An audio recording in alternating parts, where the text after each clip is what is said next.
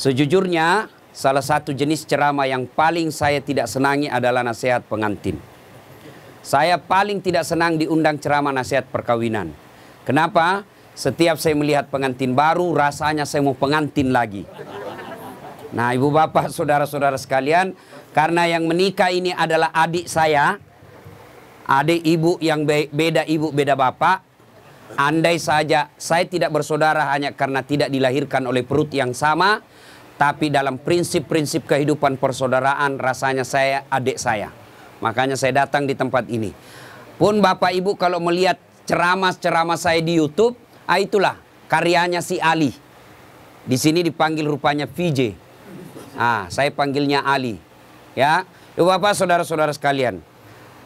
Kesempatan ini saya ingin sampaikan beberapa nasihat, bukan nasihat ustadz, tapi nasihat agama. Yang pertama, kedua mempelai. Nikah luruskan niat. Umumnya anak muda menikah dia bayangkan tempat tidur. Kalau tempat tidur kau bayangkan untuk menikah maka siap-siap kau kecewa. Kenapa? Nikmatnya itu hanya sementara. Begitu sebentarnya yang namanya tempat tidur, maka disebut bulan madu. Tidak dikatakan tahun madu. Karena sebentar saja. Maka Nabi katakan nikahilah seseorang karena empat hal. Yang pertama, Nikahi kalau dia laki-laki, Ali nikahi dia karena kecantikannya. Ini penting cantik. Kenapa? Hampir 24 jam di depan kita. Baru bangun dia. Mau tidur dia lagi di depan kita. Mau makan ada lagi nih di depan kita. Pulang kantor dia lagi. Jadi kalau jelek, cepat kita bosan. Maka penting itu cantik. Ternyata, oh ternyata cantik tidak boleh menjadi ukuran utama. Kenapa? Cantik, ada batasnya, bahkan zaman digitalisasi sekarang ini bisa jadi cantik di YouTube, cantik di Instagram, cantik di Facebook, ternyata aslinya hancur. Kenapa ada kamera 360? Putih mukanya, hitam lehernya. Ah, cantik memang dia kalau di Facebook, tapi ketika diketemu aslinya jelek. Maka kecantikan ada batasnya. Okelah original kecantikannya Sweet 17 kau cantik, 20 tahun kau cantik, 17 tahun kau cantik, tapi balik itu angka 17.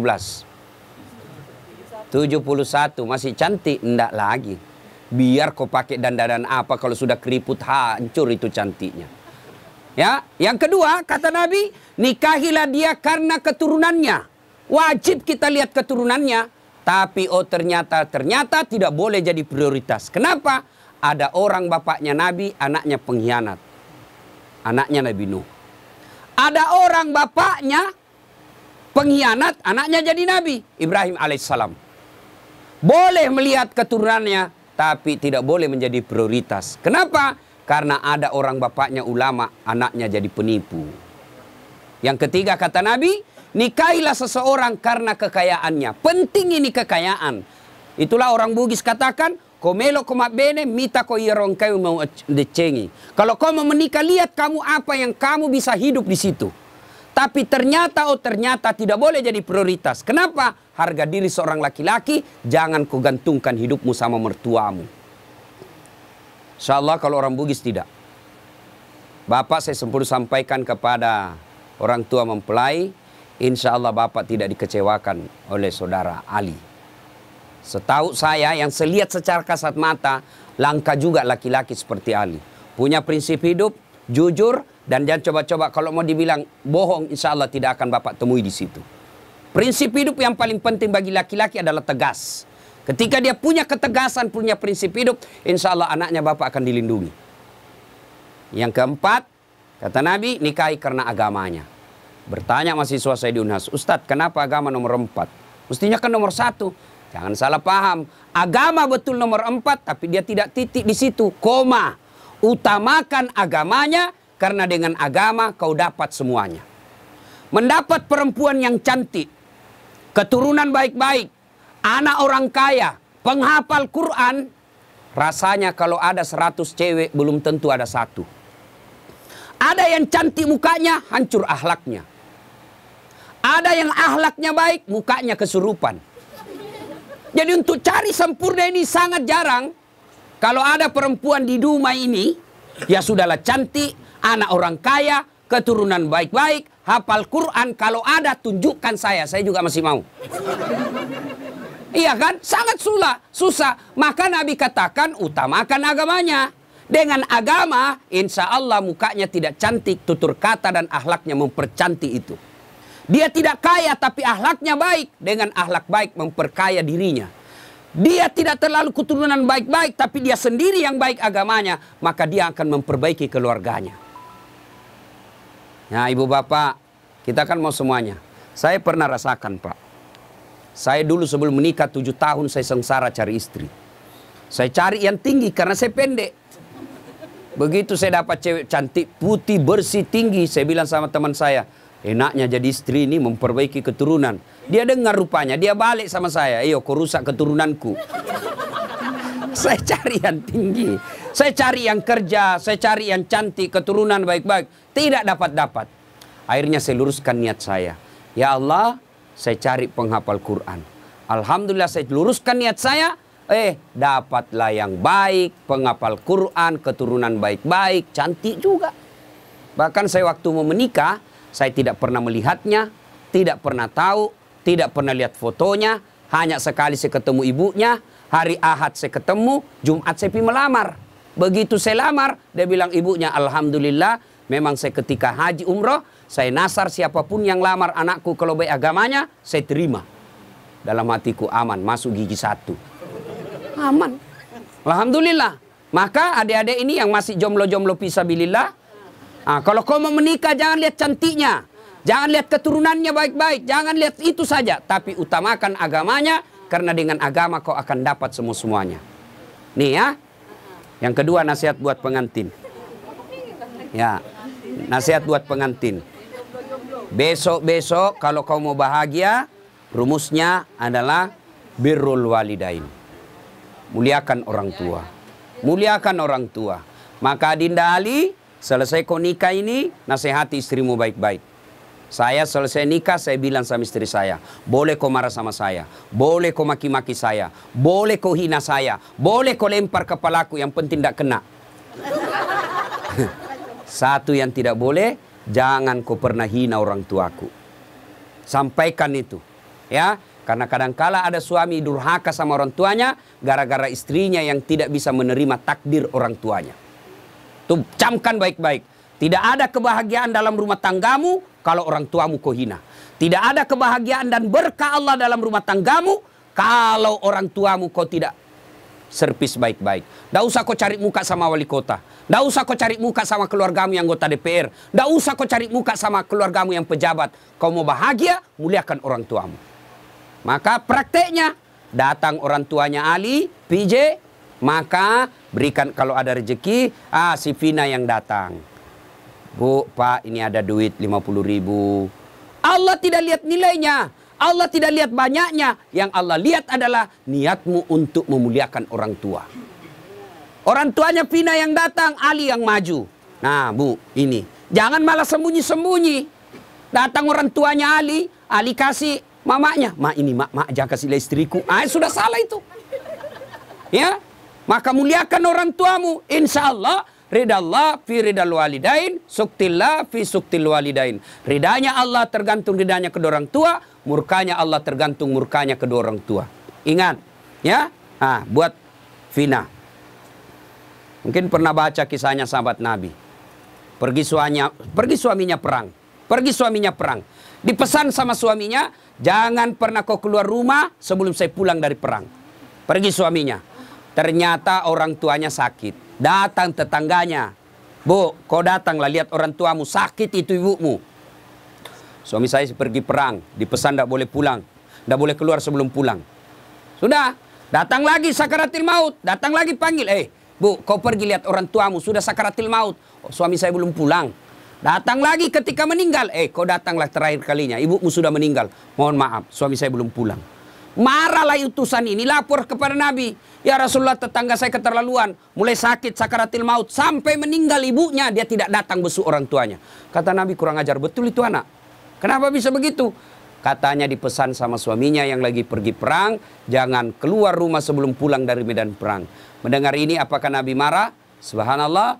Nabi justru menjelaskan Alhamdulillah diampuni dosa ibu yang meninggal karena punya anak yang taat terhadap perintah suaminya. Ibu-ibu, prestasi ibu bukan jadi anggota DPR. Prestasi ibu bukan jadi pejabat.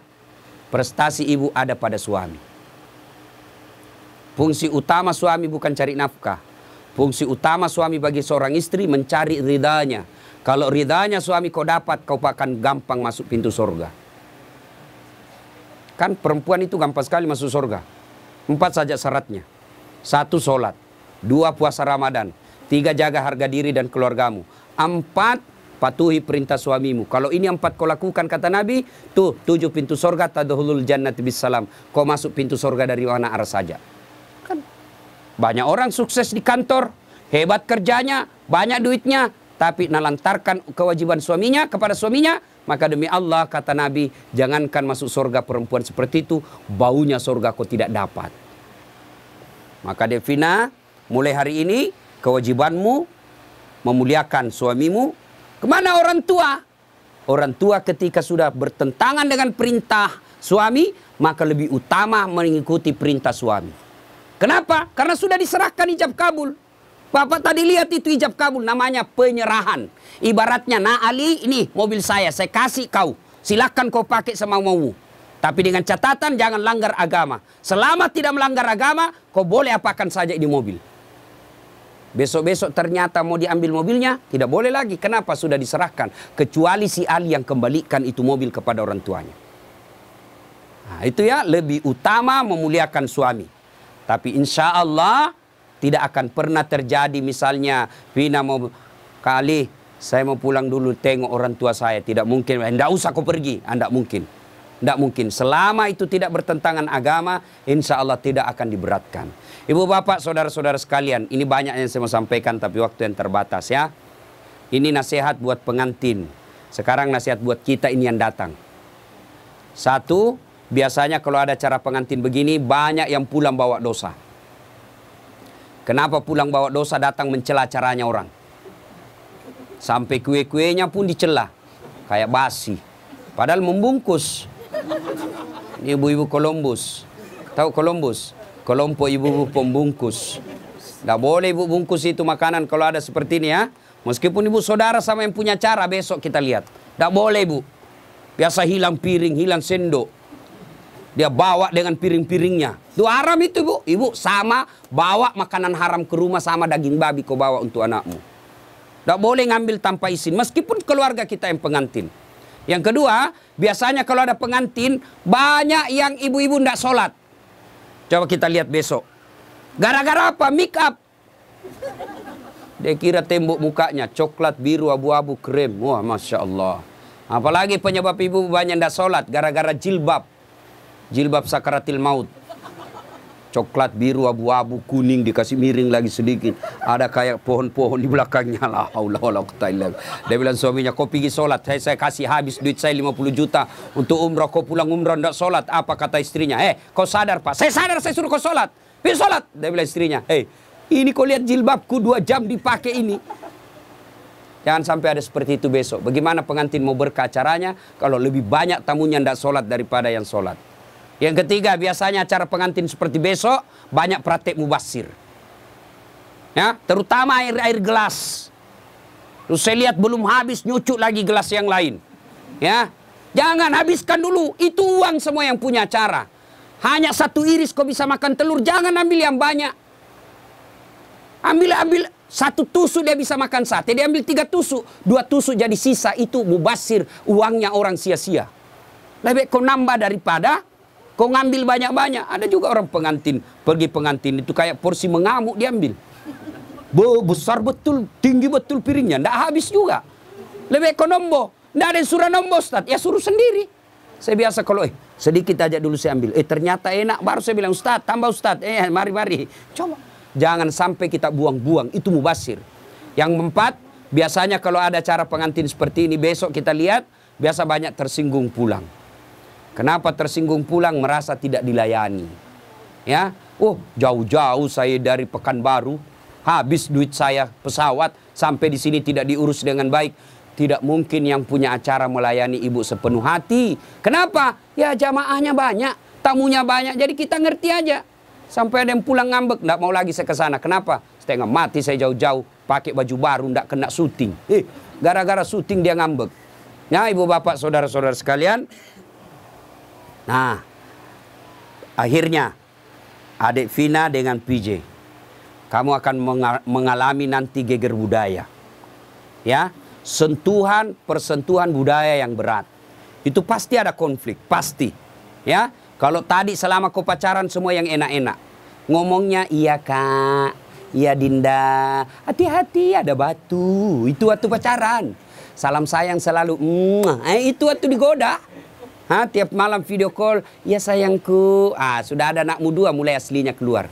Jatuh istrinya, di mana kau simpan matamu dong? Ah, itu itu kalau mulai asli. Ah, budaya ini akan ikut menentukan. Saya lihat tadi kalau budaya tadi apa itu berbalas pantun. Saya bilang kalau di Sulawesi tidak jadi pengantin kalau begini. Tidak ada yang bisa balas-balas pantun. Ternyata ya inilah budaya. Nah, maka kuncinya adalah sabar. Ya, ketika terjadi konflik dalam rumah tangga dua rumusnya. Ibu-ibu dengar ini. Ya, ini pengantin-pengantin baru juga kita semuanya. Ada yang baru 10 tahun, ada baru dua anaknya. Ada pengantin baru juga namanya ya. Nah, ketika ada masalah, ini kesalahan kita ibu-ibu banyak apa? Ada masalahnya curhatnya di Facebook. Ada masalahnya curhatnya di WhatsApp. Dia berdoa tapi di medsos. Ya Allah lindungi suamiku. Ya Allah bukakan rezekinya suamiku. Sibuk betul itu Tuhan mau baca statusmu. Kau ber, ketika ada masalah kata Allah dalam Al-Quran ada masalahmu suamimu nakal, suamimu selingkuh. Tidak usah curhat sama orang lain. Ini ibu-ibu gampang betul dia curhat sama tetangganya. Ngapain kau cerita masalah rumah tanggamu ke tetangga? Besok-besok ada Vina bertengkar sama suami, jangan terlalu cepat cerita sama orang tua. Langsung kau curhat sama orang tuamu, kau telepon menangis-nangis. Nah, nah, nah, nah, nah. Besok, dua minggu kemudian, akrab lagi. Apalagi kau sudah ungkap semua kejelekan suamimu. Tidak usah. Ada masalahmu, kata Allah, ista'inu bisabari wassalah. Sabar, perbaiki solatmu, saya yang selesaikan masalahmu. Bagaimana itu sabar? Aplikasinya. Alladzi idza asabatu musibah qalu inna lillahi wa inna ilaihi rajiun. Oh, saya tidak sangka istriku begini. Oh, saya tidak sangka suamiku begini. Oh, saya tidak sangka mertuaku begini. Tapi itulah jodohmu. Maka lebih kau ucapkan inna lillahi wa inna ilaihi rajiun. Banyak rumah tangga yang akhirnya hancur gara-gara terlalu cepat curhat sama orang lain. Curhatnya lebih parah di medsos. 500 temanmu di medsos. 500 tahu, 500 yang tahu rahasia keluargamu. Tidak usah kau cerita sama orang lain. Tidak mungkin dia cerita saya Ustaz. Dia masih sepupu saya. Siapa yang menghalangi Nabi dakwah awal-awalnya? Abu Sofyan. Siapa itu Abu Sofyan? Sepupu satu kalinya Nabi.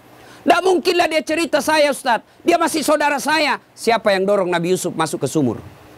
Saudaranya. Tidak mungkinlah dia begitu. Dia macik saya, dia pacik saya, saudara bapak saya. Siapa Abu Lahab? Saudaranya bapaknya Nabi. Jadi barangkali ketika kondisi normal rumah tanggamu tidak ada yang sentimen. Tapi ketika kondisinya lain dari yang biasa, dia lihat rumah tanggamu bahagia, dia lihat rumah tanggamu kaya, dia miskin saudaramu, saudara sekandung, belum tentu dia baik. Ada namanya dengki. Ini setan masuk, dia hasutlah kau, Ah, ketika situasinya lagi labil emosimu, kau tidak stabil maramu, datang saudaramu belum tentu niatnya baik, dia mau sama nasibnya sama kamu, susah juga rumah tanggamu, maka dia hasut kau yang tidak benar. Maka ada masalahmu jangan curhat sama manusia, tidak usah. Lebih kau curhat kepada Allah, bangun sholat tengah malam, ngadu kepada Allah. Termasuk ibu-ibu nih, yang sudah mulai tua muka-muka sakaratil maut. Suami mulai lain-lain, tidak usah kau curhat sama orang lain, curhat kepada Allah. Ya Allah, engkau yang memelihara suami saya. Ya Allah, lindungi suami saya. Ya Allah, bahagiakan rumah tangga saya. Allah sudah janji, Udu'uni astajib lakum. Minta kau sama saya, pasti saya kasih. Itu janji Allah. Ya, maka ibu-ibu, saya yakin di sini semua punya rumah mata. Ada ke rumah tangga tidak ada masalahnya? Kira-kira ada rumah tangga tidak ada masalahnya? Tidak mungkin. Jangankan manusia biasa, Nabi saja ada masalahnya dalam rumah tangga, dalam struktur keluarga, Nabi diusir. Diusir dari Mekah kan, hijrah ke Madinah. Siapa yang usir? Bukan orang lain. Siapa? Pamannya sendiri. Dalam ekonomi, apa Nabi kaya? Tidak, Hadijah tadinya kaya, miskin setelah bersuamikan Rasulullah. Sampai dijelaskan pernah tiga hari tiga malam tidak makan. Itu Nabi. Dalam kesetiaan rumah tangga, Nabi pernah diuji dengan kesabarannya. Dengan cara apa? Aisyah difitnah selingkuh. Itu Nabi, apalagi kita. Ada yang bilang sama Ustaz, hebat betul rumah tangganya. Kenapa? Bahagianya rumah tangganya. Kenapa kau tahu? Itu foto-fotonya di Facebook, romantisnya. Ya itu foto di Facebook berapa menit kita bisa bikin. Bodoh itu namanya kalau bertengkar dia share di Facebook. Beleng-beleng namanya itu. Tak mungkin lah, semua yang baik-baik. Maka Begitu ada masalah, ista'inu bisabri wassalah. Sabar saja. Yang kedua, perbaiki sholat. Nah ini sholat yang jadi masalah. Ya, apalagi kalau pengantin baru. Subuh terutama. Ah, Allah kasih toleransi. Ah, tapi sekarang sudah modern, Pak. Ada air hangat, ada air ada, eh, sudah tidak seperti pengantin baru dulu kan. Rumah tidak ada kamarnya. Tamu satu minggu baru pulang. Bingung kita pak. Ha, mau cari kamar tidak ada. Malu-malu lagi. Kamar mandinya dibawa pula. Mau mandi dilihat jauh basah kepala. Eh, tidak enak. Ha, sekarang aman. Satu kamar sudah ada kamar mandinya di dalam. Pun kalau kenapa malu? Kenapa mesti malu? Ini sudah halal. Ya. Nah ibu bapak saudara-saudara sekalian. Banyak yang ingin saya sampaikan tapi waktu yang terbatas. Ada yang saya lupa satu. Satu lagi. Adinda Ali Besok-besok kalau marah jangan gampang bilang talak. Ini dengar semua laki-laki. Ya, marah jangan gampang bilang talak. Misal kau bertengkar langsung kau bilang saya talak kamu. Jatuh talak satu. Artinya masih boleh campur. Damai malamnya masih boleh campur. Tapi ketika kau bilang saya talak kamu. Lima menit kau banting pintu saya talak kamu. Jatuh talak dua. Artinya kamu tidak boleh campur sebelum nikah ulang panggil ma panggil dua saksi, ibu bapaknya ada mahar, ijab kabul, baru boleh campur. Nikah ulang. Kalau kau tidak nikah ulang campur sama hukumnya kau berzina. Bagaimana kalau dia saya talak kamu? Lima menit kau saya talak betul kau. Keluar dari rumahnya dia banting pintu saya talak kau cilaka. Ah jatuh talak tiga. Artinya apa? Harus cerai dulu baik-baik. Lalu dia nikah dengan laki, dia menunggu tiga bulan, lalu menikah dengan laki-laki lain. Ternyata tidak cocok dia cerai dengan laki-laki tersebut. Kau harus menunggu lagi tiga kali haid, baru kau nikah kembali. Hati-hati bilang talak. Bagaimana kalau perempuan bilang talak? Talaka, talaka, talaka, talaka, talaka, talaka. Ah, biar sampai di atas pantatnya. Kenapa? Kenapa hak talak ada pada laki-laki, bukan sama perempuan ya? Maka Bapak Ibu yang gampang-gampang Ibu Bapak-bapak yang gampang marah, jangan kau gampang bilang talak. Marah bagaimanapun jangan bilang talak. Kalau dia bilang istrimu antar kasih kembali saya ke rumahku. Oke, saya kembalikan kau ke rumahmu, saya ikut ke mertuaku. Anda jangan masalah seperti itu ya. Nah, besok-besok Ali cari harta, jangan menghalalkan segala cara. Tapi insya Allah, saya tahu betul ini PJ atau Ali sangat disiplin dalam soal halal atau haram. Insya Allah. Demikian mudah-mudahan ada manfaat. Sebelum kita akhiri, mari kita kirimkan suratul Fatihah kepada Rasulullah Muhammad SAW. Hasiat dan keutamannya kita ikhlaskan untuk kedua mempelai. Mudah-mudahan menjadi keluarga sakinah mawaddah warahmah diperkumpulkan bukan cuma di dunia tapi insya Allah sampai di akhirat kelak. Bila hadatin Nabi Mustafa Muhammad sallallahu alaihi wasallam. Al-Fatihah. Bismillahirrahmanirrahim. Bismillahirrahmanirrahim.